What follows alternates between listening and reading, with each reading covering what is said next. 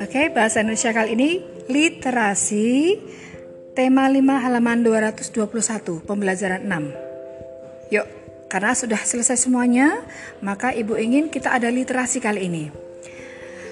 Halaman 221, Nuri ingin terbang tinggi. Karya Sulistyo Suparno.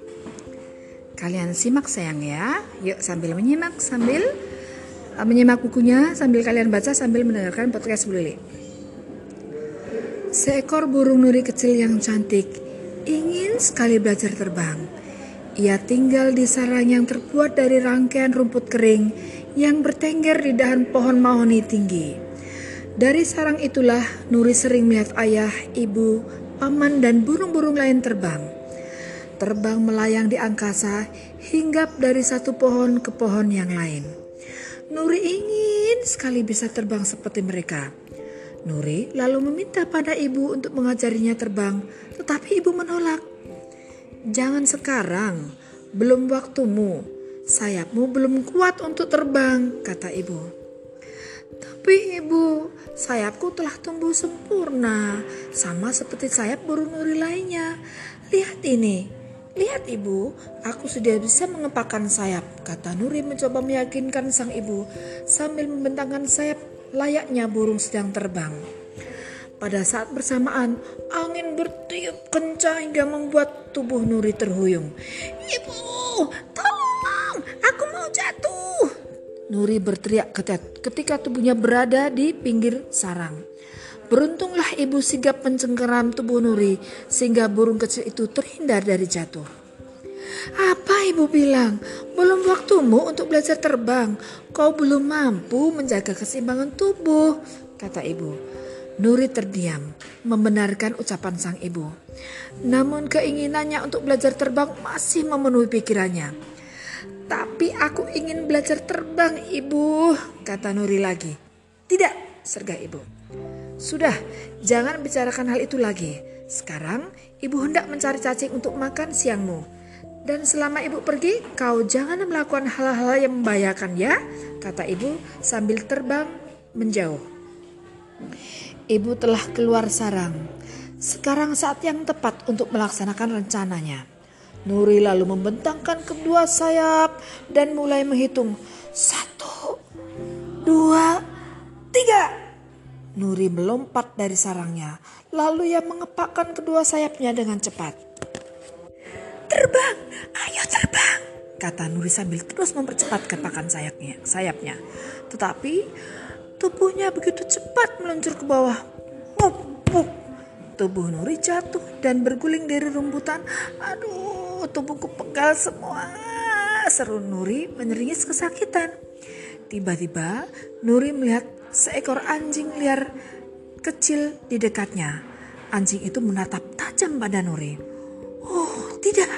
Anjing itu akan menyerangku. Aku harus menyelamatkan diri, kata Nuri dalam hati. Anjing itu melompat hendak merekam Nuri. Tapi Nuri telah bertindak sigap. Dia berlari sekuat tenaga tanpa sengaja, Nuri mengepakkan kedua sayapnya begitu cepat sehingga tubuhnya melayang di atas rerumputan. Hei, aku bisa terbang, aku bisa terbang, asik, aku bisa terbang, seru Nuri begitu bahagia. Ia terbang lebih tinggi sehingga anjing liar itu tidak bisa mengejarnya. Aku akan bercerita kepada ibu kalau aku bisa terbang, kata Nuri dalam hati. Sore telah tiba, ibu kembali ke sarangnya. Nuri pun bercerita dengan penuh semangat kejadian yang dialaminya tadi siang. Ibu, aku sudah bisa terbang, kata Nuri. Nuri, kau masih membicarakan hal itu lagi, sahut ibu. Bila ibu tidak percaya, coba lihatlah, aku akan terbang. Seketika Nuri melompat sambil mengepakkan kedua sayapnya. Tubuhnya meluncur ke bawah dengan cepat. Terbang, sayap terbanglah, teriak Nuri. Tetapi kedua sayapnya tak mampu membuatnya bisa terbang. Puk, puk, tubuh Nuri jatuh dari rumputan. Ibu lalu terbang meluncur ke bawah. Nuri, ibu sudah bilang, tapi kau masih saja tak percaya. Lalu ibu mencengkram tubuh Nuri dan membawanya terbang kembali ke sarang.